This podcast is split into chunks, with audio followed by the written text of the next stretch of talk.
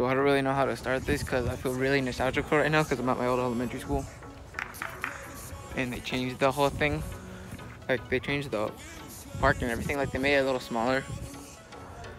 Like not a little significantly. Because you see monkey bars and shit and now it looks like this. Nothing. thing. And now it's like half the size of our old thing. Oh, they finally added fucking swings. Cause they used to only have those like by like the baby section like, o- like over that fucking wall. And now the one good thing about this is like the swings, cause I used to have a hmm, like I would always play in the park when I went here, but like, I would always like play soccer. So yeah. But the last thing I did in this park before I went to uh, middle school was uh, play soccer like either here or like over fucking there. And my friend Marco, he like I was the goalie, and then he like full on kicked the ball and it hit me really hard, and uh, I went home early. So yeah. Bye.